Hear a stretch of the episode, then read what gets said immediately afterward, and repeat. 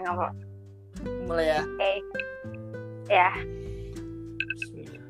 Halo semuanya, eh, minggu ini kita kedatangan seorang narasumber, seorang wanita cantik ya semua wanita cantik sih, Eh, seorang wanita cantik. eh, Iya. Temen aku juga, da, temen da, kenal di Padang, dia anak Pekanbaru yang sekarang bekerja di sebuah perusahaan swasta di Jakarta. Eh, nanti dia bisa menceritakan mungkin di- detail dia kerja di mana, terus dia bagian apa, kerja seperti apa. Bisa diceritain singkat aja ya, Dila. Oke. Eh, sebelumnya saya hello dulu Dil buat teman-teman yang dengerin podcast ini. Ya. Halo teman-teman semua yang lagi dengerin podcast ini. Kenalin, aku Dila.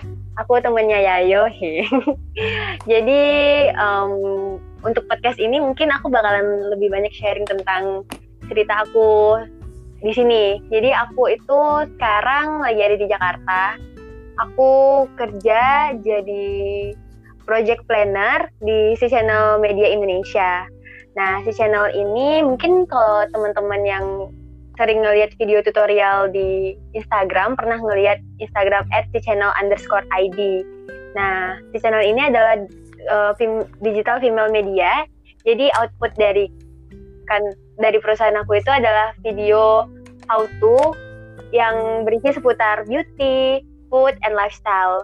Jadi kalau misalnya teman-teman penasaran bisa langsung lihat di Instagramnya aja. Itu aja sih yo, singkatnya aja. Iya Aja. iya. Kamu eh, apa kabar sekarang? Pertanyaan simple dulu Alhamdulillah aja. baik. Iya, alhamdulillah baik. Kamu gimana yo? Di masa Alhamdulillah. PSBB ini? Eh, mm, aman sih. Gitu-gitu aja di rumah. Untung aku nggak terlalu suka keluar. Keluar cuma buat tugas kali ya. Masih, Oh, anak baik. masih Nggak nongkrong ya dulunya? nongkrongnya Masa buat sih? nongkrongnya nugas kali sih. Ya? Nugas buat tugas. Nugas di? Di? Di mana? Di mana ya? Di tempat kopi atau di perpus atau di pokoknya Oh. di mana yang bisa deh. Yang yang nggak rame orang aja. Anak-anak cupu kan. Oke. Nggak percaya. Oke, lanjut.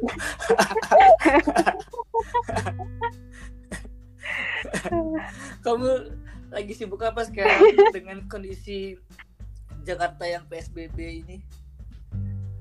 Em, sekarang aku lagi sibuk WFH, kerja dari rumah.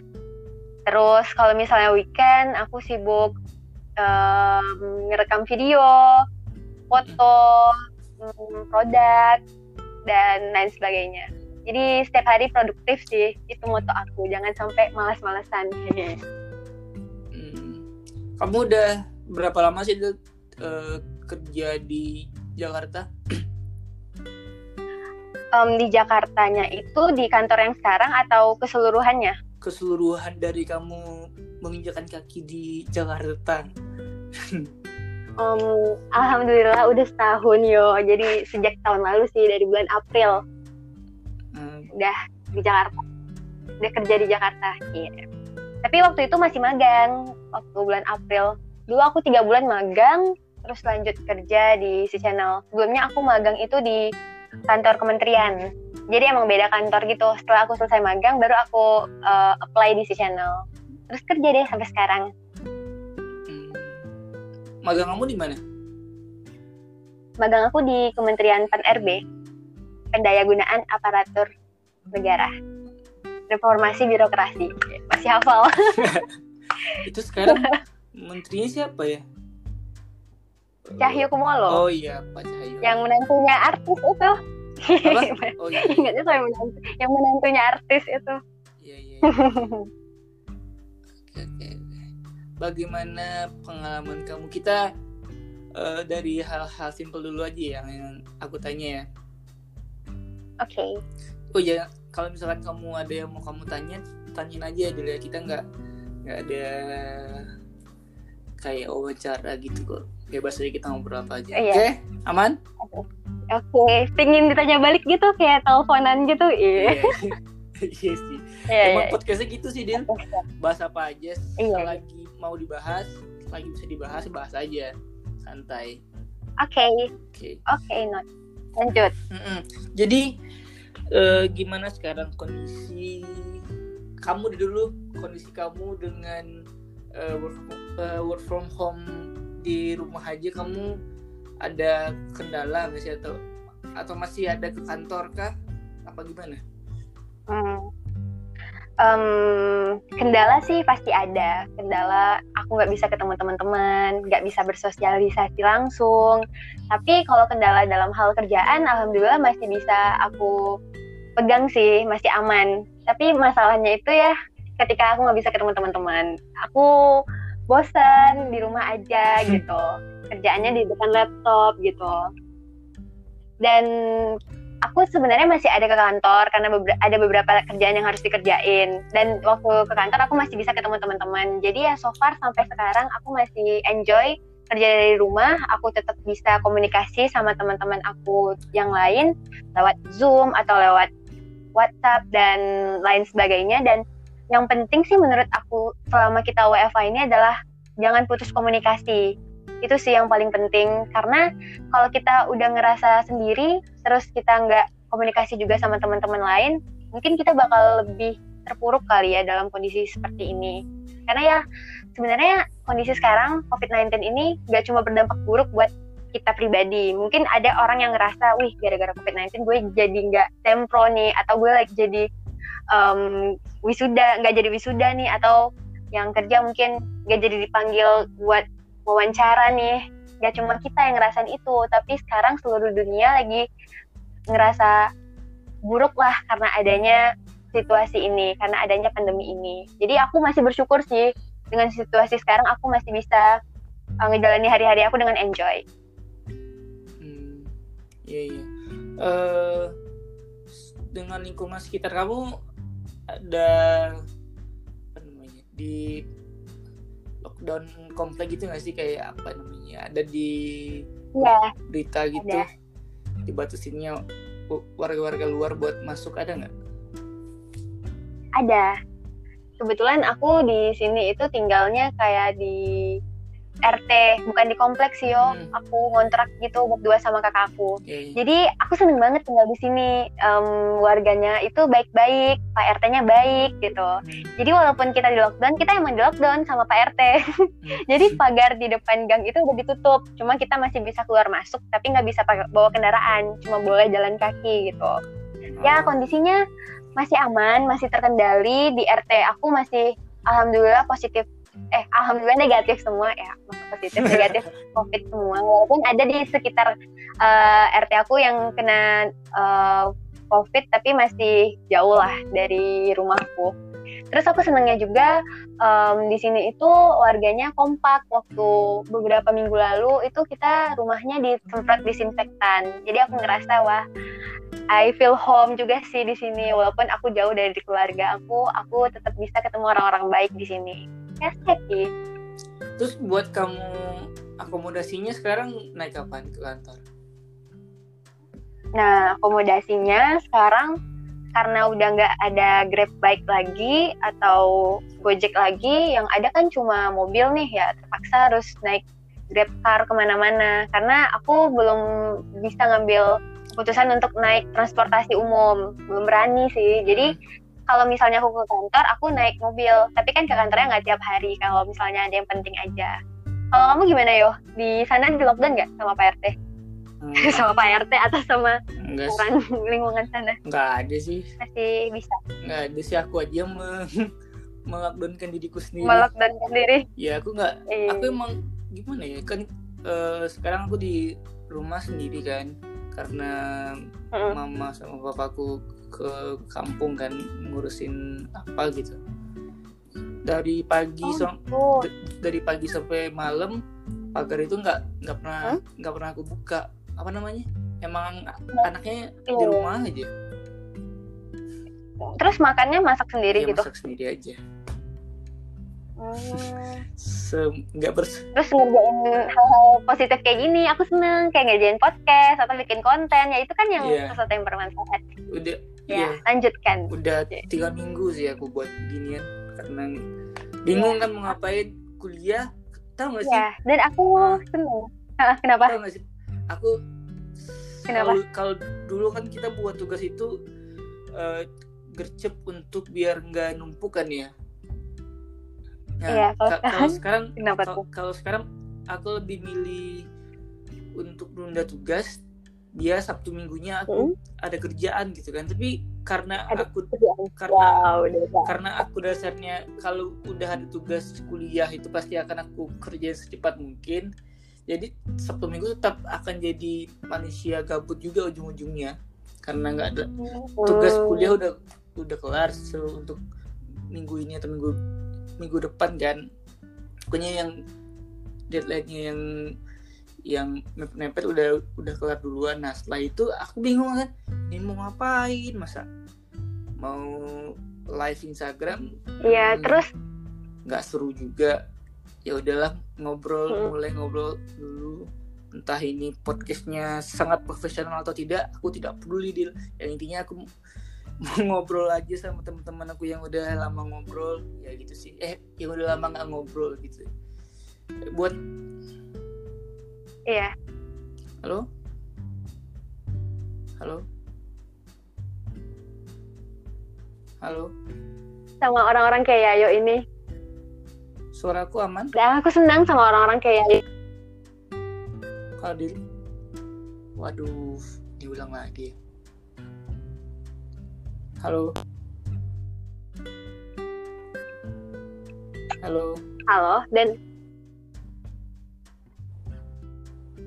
suara kamu putus-putus dir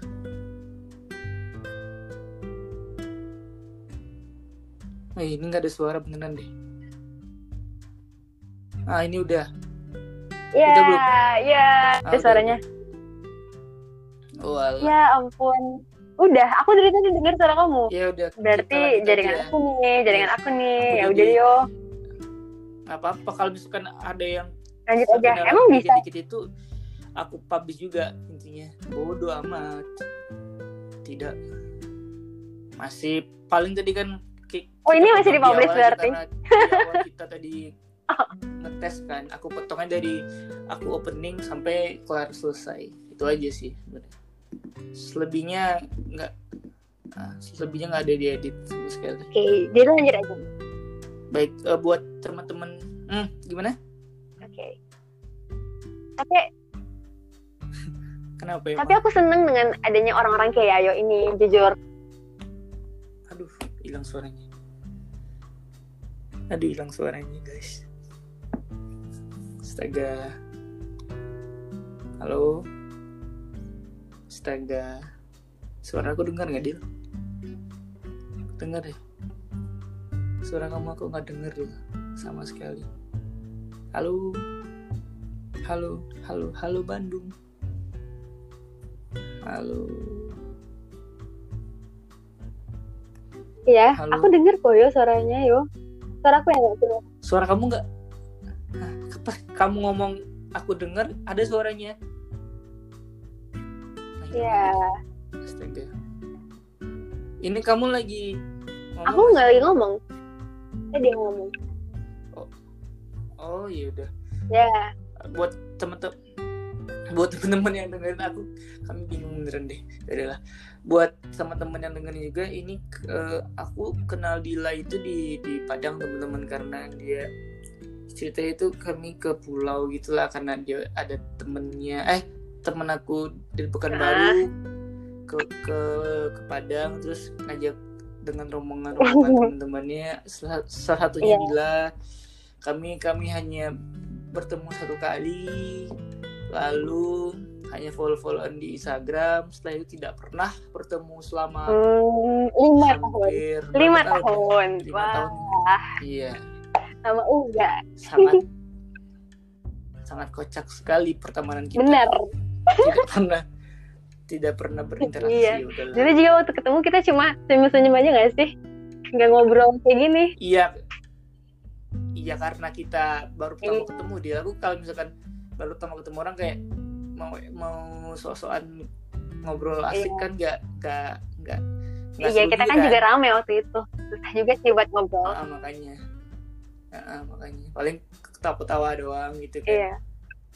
Ketawa-ketawa doang. Ketawa-ketawa anak-anak anak-anak muda. Maba. iya anak-anak maba. Belum tahu Makanya. apa-apa. anak muda. Masih polos. Ah. tadi kamu mau ngomong tadi aku mau ngomong ini kepotong ya tadi. Mohon maaf ya teman-teman yang dengerin ini tuh kayak aduh aduh halo halo gitu. Karena ya mungkin ini sinyal aku sih yang bermasalah. Tahu kenapa tinggal di Jakarta tapi sinyalnya hmm, entah di mana gitu. Oke lanjut. Jadi tadi aku mau ngomong ini loh. Aku tuh seneng banget ada orang kayak Yayo ini. Karena dia masih bisa berkre- masih bisa menghasilkan karya di tengah eh, di tengah pandemi sekarang ini. Dan itu benar-benar bermanfaat karya-karyanya aku udah ngeliat podcastnya juga em, insightful dengan narasumber-narasumber sebelumnya. Aku udah dengerin gitu. Pokoknya yuk pertahankan. Kalau bisa kembangkan mungkin ke YouTube channel atau ke artikel atau apa pun itu. Yang penting orang-orang tetap bisa baca atau orang-orang tetap bisa dengar gitu. Lanjutkan. Gitu amin amin. Amin amin. Amin. Semoga semoga ada yang beli program aku ya. Iya amin. kita gali dulu kita tanam-tanam dulu. Kok digali tanam dulu nanti bakalan ada yang menarik. Ada yang tertarik menarik lagi. Di malam mantap ya. Iya iya Ki. aku selalu buat podcast jam segini masa jadi Oh, buntu iya. jadinya. Iya nggak apa-apa yang segini tuh kayak lebih intens aja gitu. Yang kepikiran tuh lebih Iya. banyak gitu. Iya. Dan dengan Dila yang suka ngobrol kayaknya kalau aku tahan-tahan bisa dua jam kali ya Dila? Aduh jangan. Nanti sinyalnya hilang-hilang. Kasihan yang dengerin Eh, kembali ke topik yang tadi yang tentang PSBB di sen- di Jakarta sendiri yang kamu lihat gimana sih kondisinya dia soalnya yang aku tahu ya Mm-mm. se- se- se- setahu aku minggu kemarin itu masih banyak yang gimana ya mas masih banyak yang keluar rumah ber, ber, berkomunal dengan berkumpul. dengan teman-temannya atau tadi tadi pun juga aku lihat berita di pasar gitu masih ada yang nong ah, gimana ya?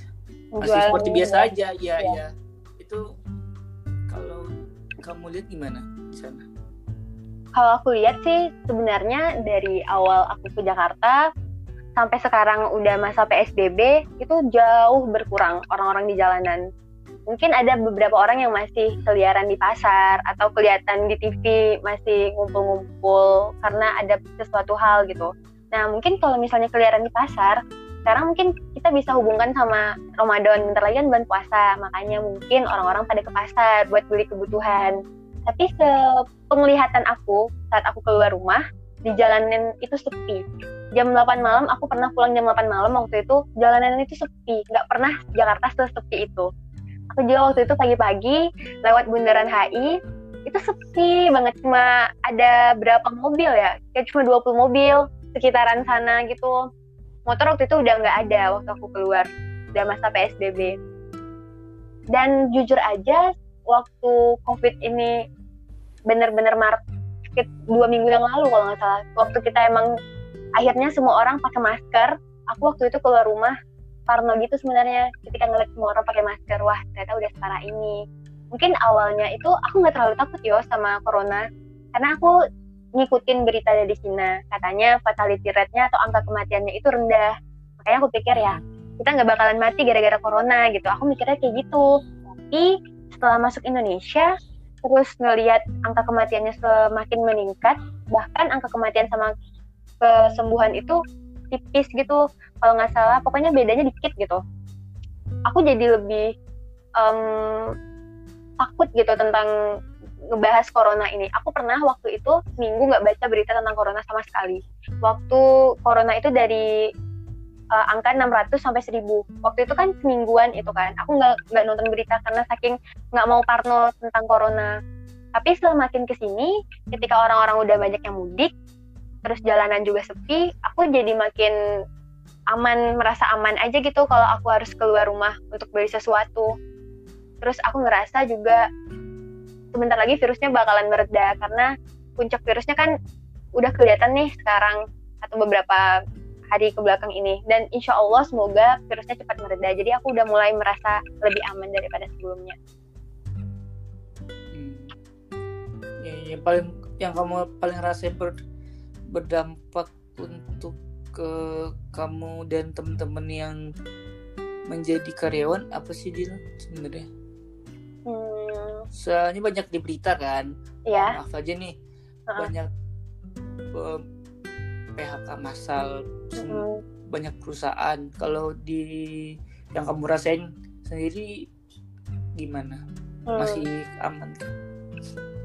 Um, yang aku rasakan sekarang aku merasa kayak aku ngelakuin aja apa yang harus aku lakuin apa tanggung jawab aku untuk masalah perusahaan apakah akan mem-PHK atau nge off karyawannya aku nggak bisa nyampein sampai sejauh itu karena aku merasa kalau perusahaan harus mem-PHK karyawannya itu adalah ya adalah keputusan yang terbaik karena hmm. mungkin um, karyawan yang di di layoff itu bukan karyawan yang memang karyawan bisa aja anak magang kan yang di layoff karena kita tahu kan um, sekarang ekonomi di seluruh dunia itu emang lagi merosot jadi ya memang uh, PHK atau bisnis yang anjlok itu wajar terjadi saat ini.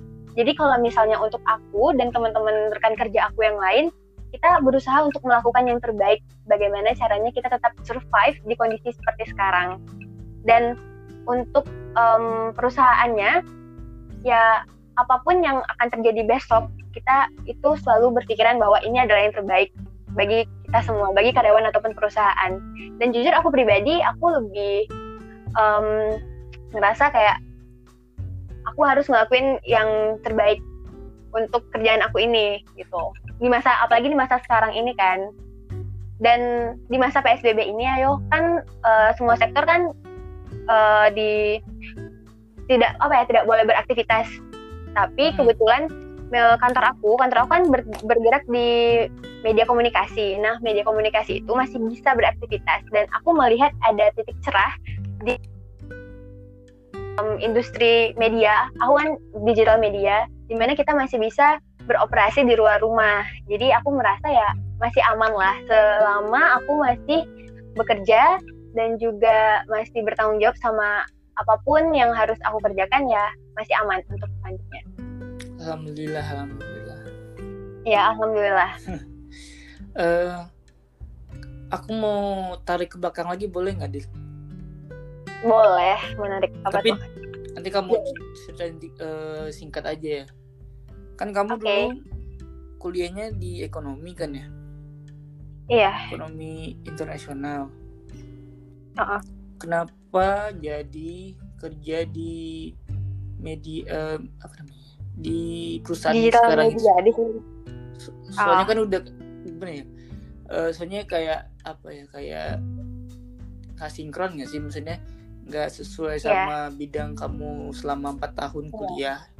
Itu iya benar uh, itu gimana sih? Emang kamu yang mau nyari tantangan baru apa gimana sih um, gini sebenarnya dari SMP aku tuh udah tertarik sama dunia komunikasi dari SMP aku udah suka jadi MC atau jadi panitia acara terus juga jadi ketua panitia yang ngadain acara yang mengumpulkan orang-orang gitu sampai kuliah. Nah sedikit cerita lagi nih tentang kerjaan aku. Aku di si channel itu sebagai project planner, di mana kerjanya itu seperti um, memake sure bahwa um, project suatu project itu berjalan.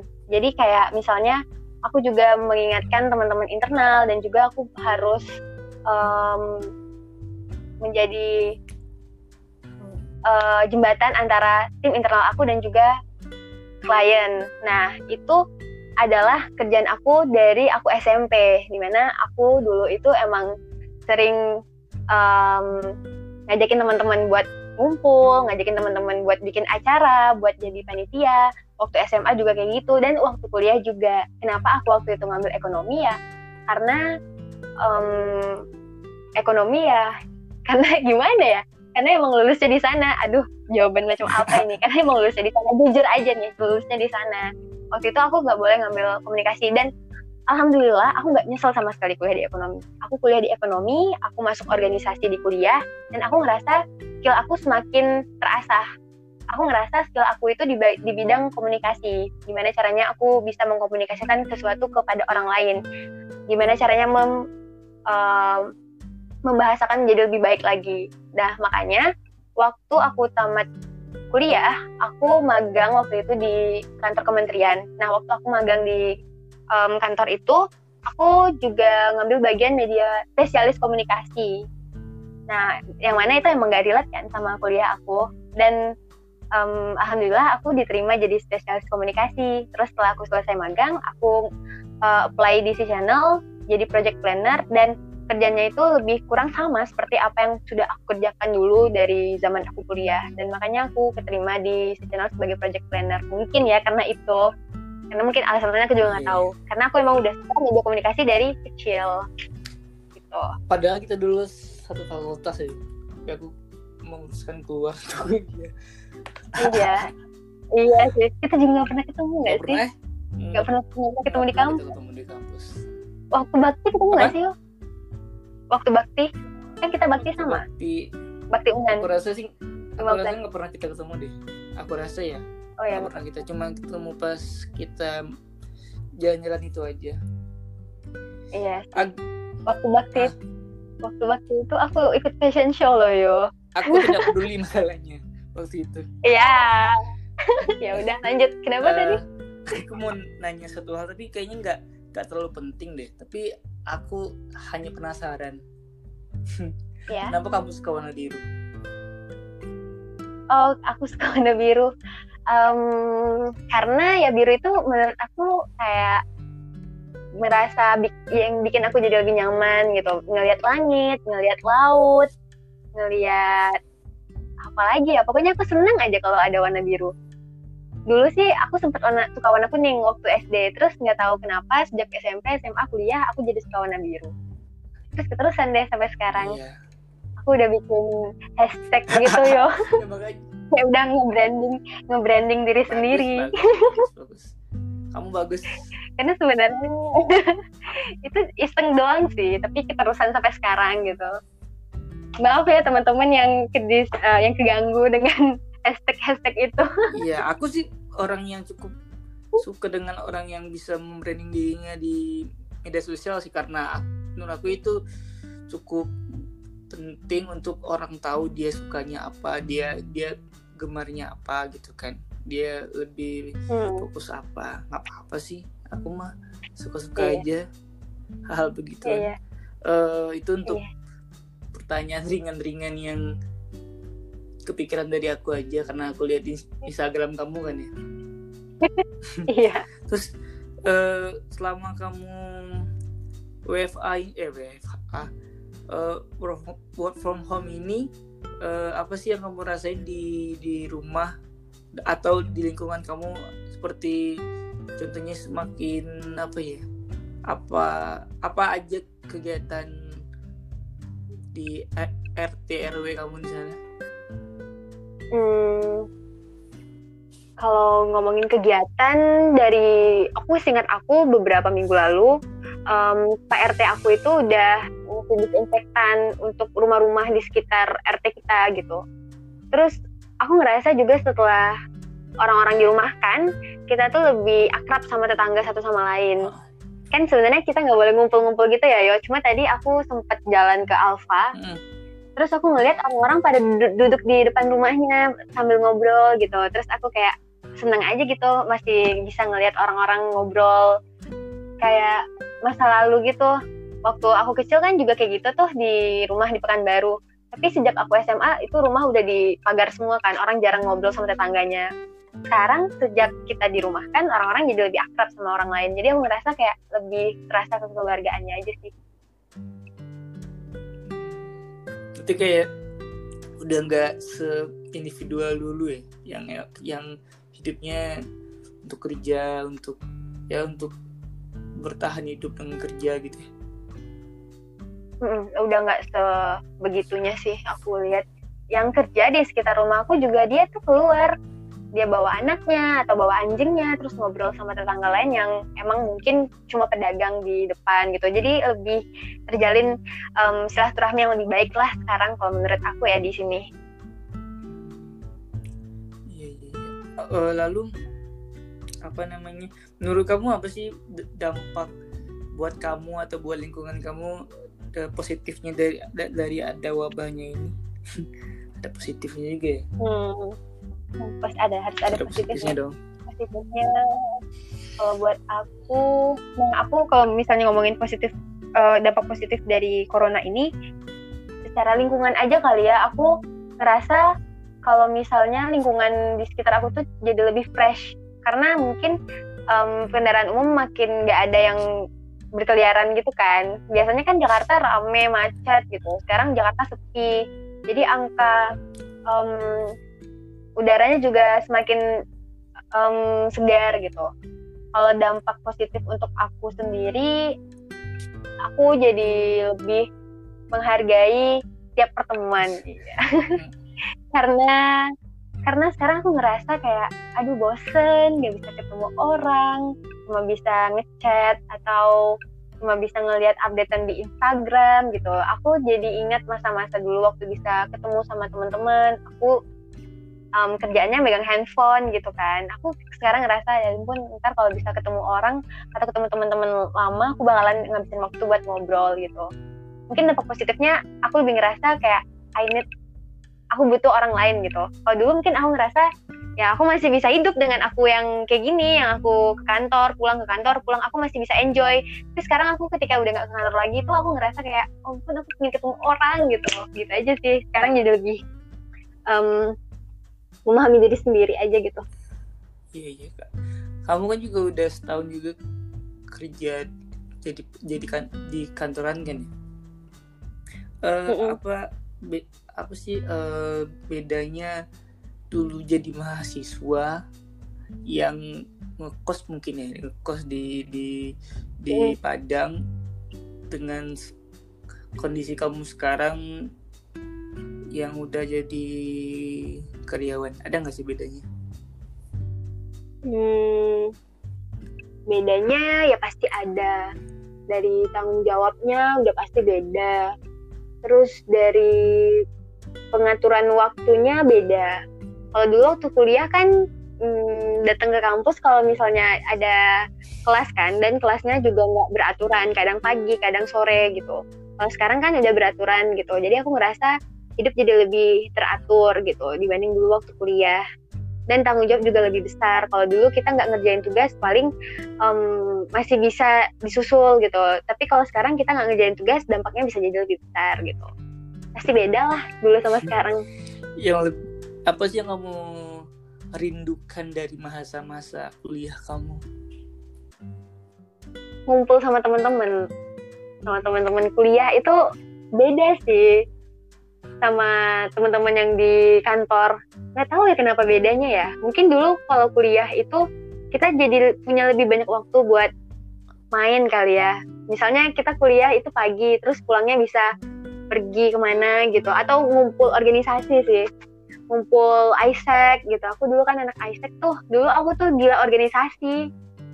Pulang kuliah uh, ke sekre. Ke sekre juga sih. Pokoknya ngumpul sama teman-teman organisasi gitu. Aku kangen ngumpulnya kangen uh, tukar pikiran sama teman-teman gitu.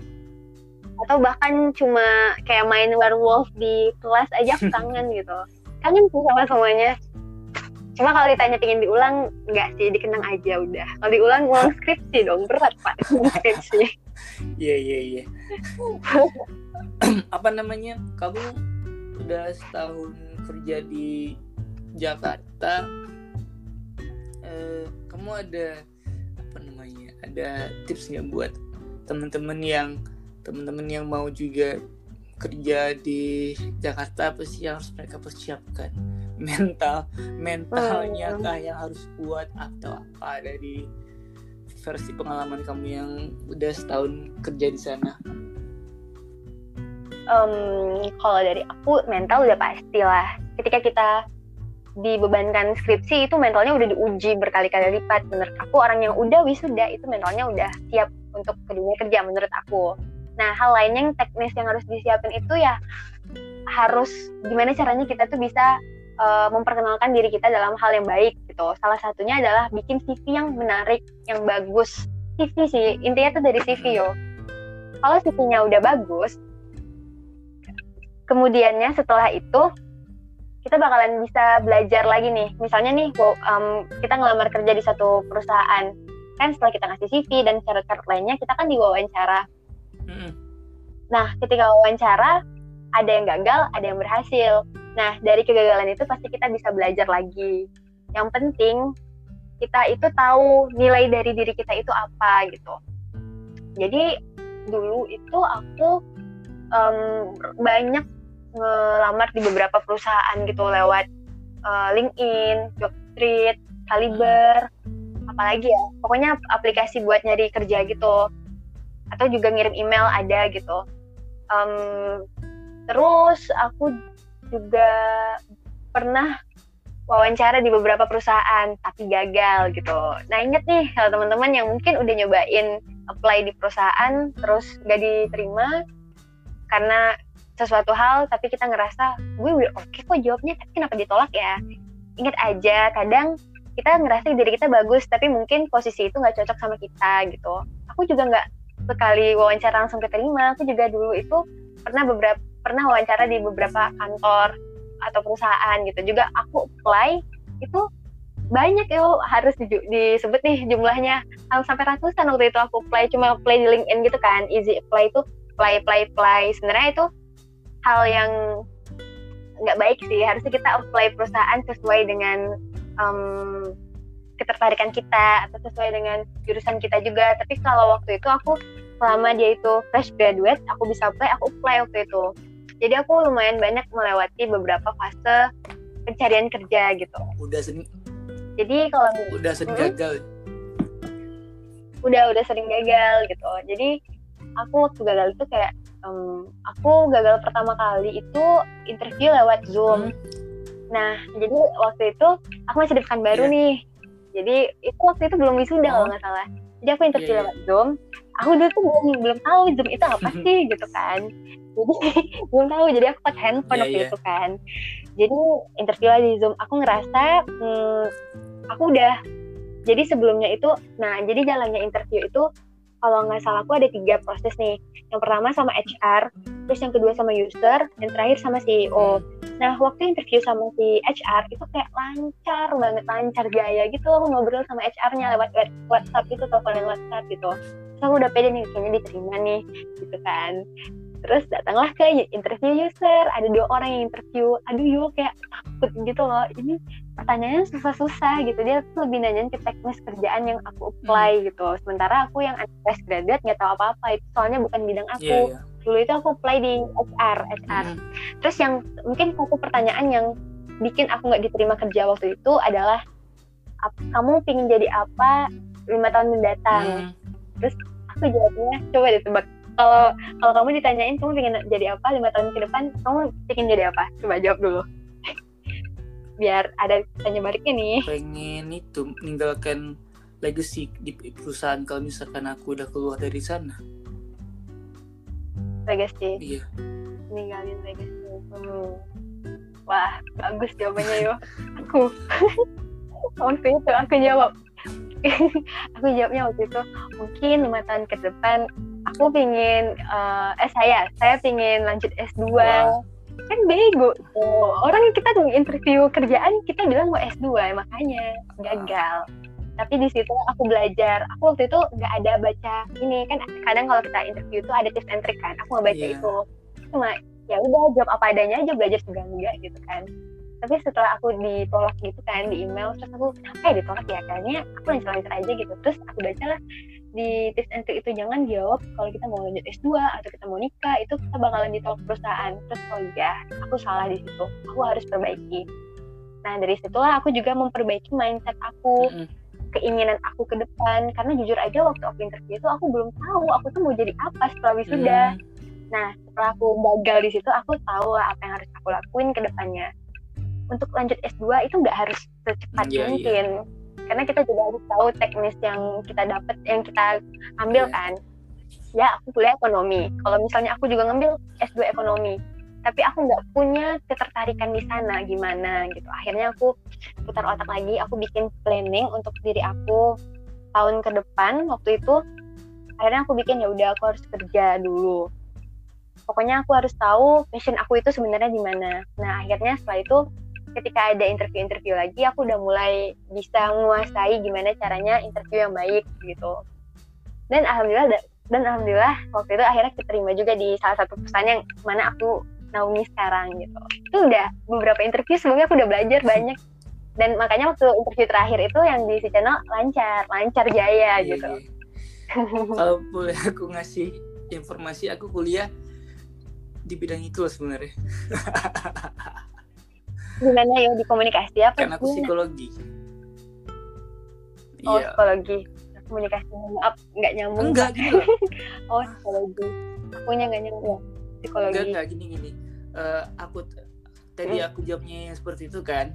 Karena aku tahu karena Hmm. juga kalau misalkan aku nih aku misalkan aku mau kerja nih salah satu bidang yang Hmm. bisa aku apply HRD ya yang HR juga. Soalnya itu yang kami pelajari juga satunya di psikologi jadi HRD jadi orang-orang yang me, me- apa namanya mewawancara karyawan baru gitu gitulah Hmm, jadi aku cukup senang kuliah di psikologi bisa belajar hal-hal yang seperti itu. Udah semester berapa? Semester eh, 6 aku Hmm, belum skripsian ya Belum, berarti belum. ya? Belum ya belum. Terus udah kepikiran belum mau ngebahas skripsi tentang apa? Bahas tentang itu apa tentang perusahaan Pio psikologi industri dan organisasi. Rencananya sih gitu. Spesifiknya belum kan ya, belum terlalu karena aku harus belum eh, harus review jurnal dulu kan cari-cari jurnal terkait iya. dari luar sama di Indo gimana enaknya pakai kontraknya apa apa apa gitu. Belum belum sampai ke sana sih tapi udah iya iya iya. udah tahu mau mau Udah kebayang sih, lah. semester 6 udah kebayang skripsi itu bagus bagus banget. dari lancar sih. Dari kapan ya kepikirannya lima wow wow. Aku pio aku tahu aku mau mau pio mau emang emang mau fokus ke eh, spe- spe- eh, kayak jadi HRD kasarnya itu ada dari semester satu Hmm? malah. Soalnya wow. aku berangkat dari dari kegagalan kuliah nggak gagal juga sih karena aku nyanyel nggak mau kuliah di ekonomi kan. Makanya nggak cocok apa gimana sih ya? ribet alasan ke ribet aku kuliah ngitung-ngitung itu di debit. Iya sih Iya. ekonomi gitu. Ngitung-ngitung debit kredit males aku dulu iya. Iya iya itu yang aku rasain Ya, Hmm, terus makanya emang pengen psikologi ya berarti? pengennya aku hukum awalnya. Aku itu apa pun aku aku coba masalahnya. Apa pun yang aku suka aku coba. Entah di mana ntar itunya. Eh Hmm. uangnya nggak tahu dari mana kan aku coba aja aku sekarang juga kuliah hukum kan kamu nggak tahu ya Mm-mm. Iya aku tahu kamu double degree cuma aku nggak tahu di kampus mananya. Pokoknya Iya, ada dua aku- aja. aku dua hukum sama psikologi dan Hukumnya di mana? Kalau boleh tahu. di sebuah PTN UT namanya langsung aja lah aku bilang Oh. ribet UT tau nggak UT ini di Padang apa di mana sih? pusatnya di itu apa namanya di Pondok Cabe di Tangerang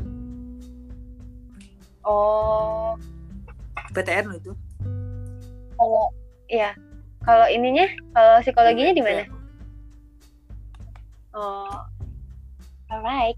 Terus gimana bagi waktunya? Bagi waktunya en- eh, nggak banyak main aja karena aku nggak suka main-main nggak suka kalau dulu sih masih masih masih ya yain itu sih yain semen kalau mau ma- main-main bom waktu gitu kan tapi Hmm. udah kayak, kayak udah semester 3 ke atas itu kayak oh nggak bisa lagi deh. Kayaknya aku emang main pun sekali sekali sebulan atau pokoknya main main maksudnya main yang itu ya main yang buang waktu lama gitu loh. Nggak nggak nggak sering. Banget aku nongkrongnya buat tugas. Emang emang nugas pulang ngobrol-ngobrol sebentar. Nggak nggak nggak sampai buang waktu yang sampai malam-malam gitu nggak. Ya yang penting temannya tetap teman-teman yang Iya.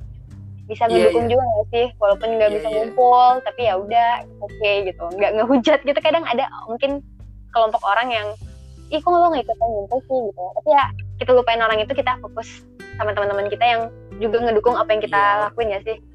Itu ngerasa itu nggak? Walaupun circle juga kecil ya yang orang yang paham dengan itu. Aku kayaknya hampir sama dengan kamu yang tadi kau bilang sih. Aku punya ambisi sama diri aku sendiri sekarang mau apa mau apa gitu. Udah udah, udah tahu gitu sebenarnya. Iya bagus lah. Emang udah saatnya juga kita buat tahu nggak sih kita mau jadi apa gitu. Berdiri di kaki sendiri ya. Kamu ada yang mau kamu tanyain lagi? Tanyakan saja tidak apa-apa. Jadi tanya host apa juga. ya? bebas. Oh ya kita kan Ini- jadi host ini- nih. podcastnya bebas Iya. udah. Kalau sendiri di kalau sendiri di rumah berarti ngeberesin rumah sendiri.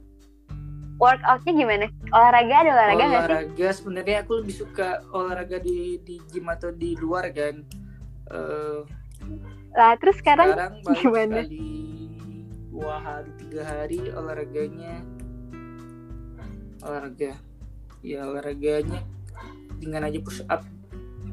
Nyapu push up gitu push up. aku, aku lebih suka ke ke gym dengan alat dengan semua peralatannya. Kalau di rumah kan aduh pakai baju rumah gitu kan kayak aduh masa olahraga dah.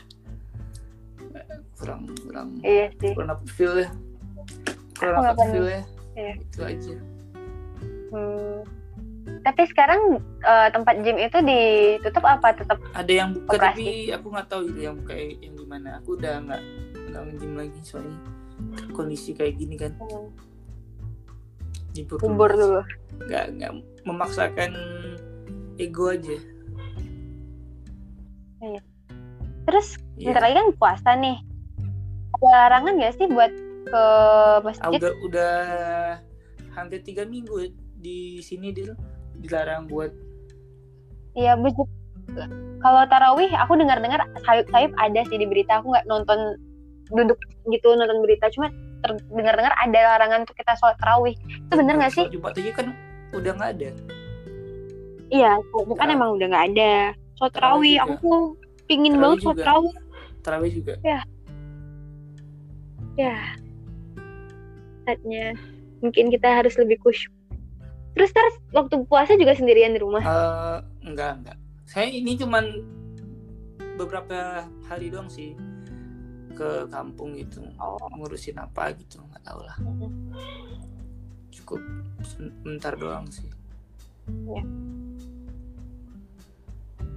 kamu cocok juga kamu Iya. cocok juga jadi host sepertinya Mem- mem- memandu sebuah takut. sebuah podcast kamu nggak mau buat podcast nggak ada waktu yang ada waktu Mau sih belajar dulu nih dari yang lebih senior. Aku deg-degan loh mau ikut podcast ini. Aduh, mau ngomong apa nih? senior dong aku, aku biar ini nggak nggak ada apa ya? Senior podcast, biar apa senior Allah, podcast. baru juga tiga episode udah senior Iya. tiga episode aku aku ajak eh, aku ajak ngobrol sama teman-teman aku yang udah lama nggak ngobrol termasuk kamu Iya. Terus aku juga seneng bisa ada teman ngobrol yang bisa buka pikiran lagi. Ya cuma mikirin yang kelihatan sekarang tapi juga mikirin wah dulu ternyata aku udah pernah kayak gini ini temen aku loh. Jadi kita kayak nostalgia Iya, gitu nggak sih yo sekarang? Dan juga sharing kegiatan kita sekarang. Dan itu worth it sih buat orang-orang yang lagi di rumah aja nggak tahu mau ngapain ya udah. Dengerin Iya, podcast. Semoga karena mungkin dengerin lagu udah bosen gak sih bosen dengerin lagu. Aku udah bosen dengerin lagu di Spotify. Terus akhirnya aku dengerin podcast cerita-cerita horor lebih- gitu. aku buat ini karena aku suka dengerin podcast sumpah. Hmm, iya salah satu Iya. ah, salah. terinspirasi ya. Siapa sih yang inspirasi? Yang inspirasi bikin podcast ini siapa? Aku dengerin pod kalau misalkan kalau di YouTube nih ya aku biasa ya walaupun itu pasti akan ada video gitu kan visual. Eh Hah? Mas uh, Corbuzier podcast terus oh eh, iya ah. trending waktu itu dia Kak. sama bintang umum Radit, terus siapa eh, Bang Radit terus Magna Talks ah terus eh apa lagi ya hiduplah Indonesia Maya dari Panji terus Oh. eh, total politik eh, eh, apa Oh. lagi ya sepertinya itu deh yang aku sering de- ikutin. Ikutin ya? Iya. Hmm.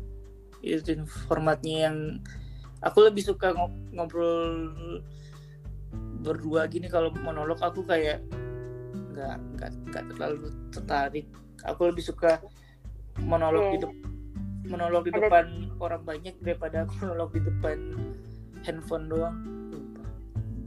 Iya iya sih mungkin aku bisa belajar bikin monolog. Soalnya aku suka ngobrol sendiri gitu Nah, ya di iya. depan kaca. Coba kamu buat podcast dengan format sendiri aja ngobrol apa pun ngobrol pembahasan kerja lah apalah psbb inilah.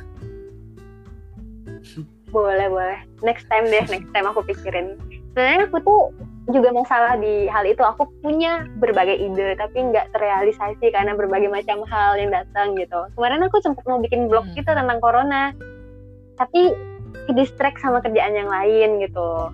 Terus aku juga dulu pernah mau bikin YouTube tentang perjalanan di Jakarta. Itu akhirnya nggak jadi juga. Padahal aku udah ngerekam videonya. Itu sih kayak aku kurang em, kurang berdedikasi sama apa yang pingin aku lakuin. Karena mungkin ke distract sama hal lain. Itu sih yang harus diubah. Aku mau nanya sebagai apa namanya sebagai HRD boleh nggak? Nggak HRD juga sih ada deg-degan. Boleh pak. Gimana apa jadi pak? aku sih planning kamu untuk lima tahun atau 10 tahun ke depan sih. Pertanyaan tadi aja sih sebenarnya. Oh yang ya, yang tadi ya. Untuk ya sekarang udah kebayang sih lima tahun ke depan. Yang pen- aku tuh mau bisa berarti sama orang-orang lain gitu. Jadi aku pingin ada satu hal yang bisa aku em, ada satu karya yang bisa aku beri ke orang lain nggak tahu itu karya apakah di perusahaan atau karya di em, di sosmed atau apa gitu. Yang penting aku bisa bermanfaat untuk orang lain aku bisa ngebantu orang lain gitu. Kalau untuk detailnya mungkin aku nggak bisa sharing Iya, di iya. sini Yang- iya pokoknya aku pingin bermanfaat sama orang lain. Pingin aku waktu itu bahkan di kantor aku itu ada Hmm, dream board gitu kan. Aku bikin uh, dream aku itu uh, jadi top 50 wanita inspirasi di Indonesia gitu. Wanita inspirasi apa ya? Bahasa Inggris bahasa Inggris waktu itu aku bikin. Pokoknya jadi pingin jadi kayak gitu. Jadi aku berkarya nggak cuma dari kerjaan aku aja tapi masih bisa dari banyak hal. Misalnya aku tulis suatu konten gitu atau aku em, bikin konten apa gitu di Instagram atau di sosmed yang lain gitu. Yang penting bisa ngasih manfaat buat orang lain. Kalau kamu? Membalik. Apa? Membalikan pers- oh ini meninggalkan legasi iya. Ayo loh. Ini kita udah interview nih teman-teman. Ayo.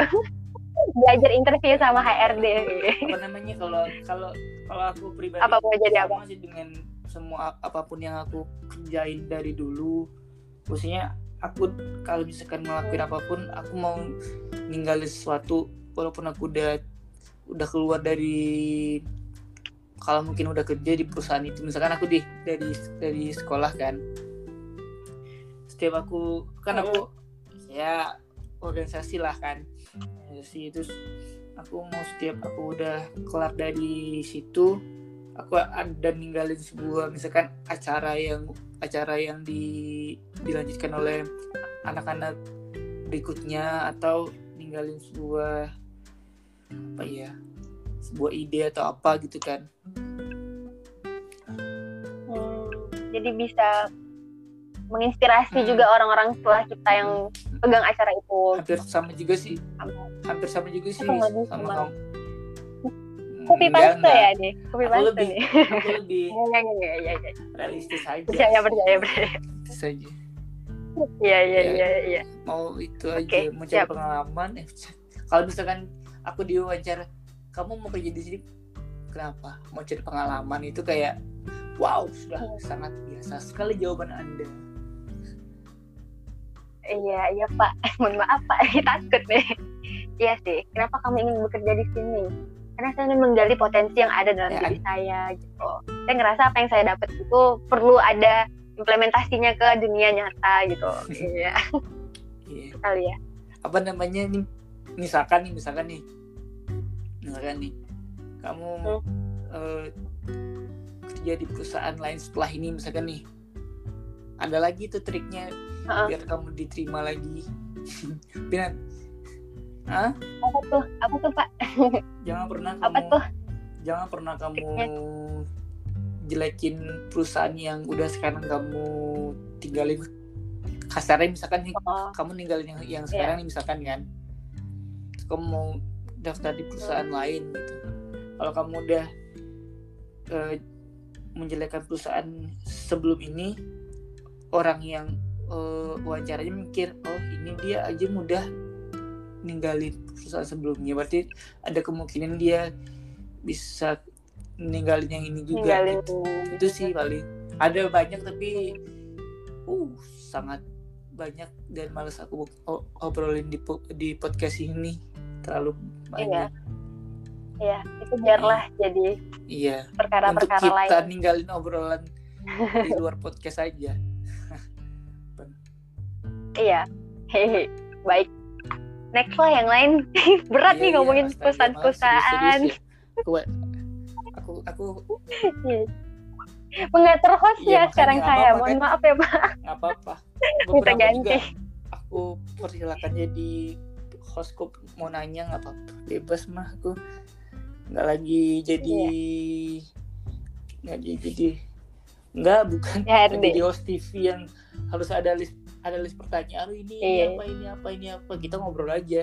Pe- penting nggak penting ya ya udah. Iya, apa adanya. Apa adanya. yang di- kita aja eh, temen-temen yang dengerin ini ya tahu nggak Dila ini dia bingung bahas apa untuk podcast ini.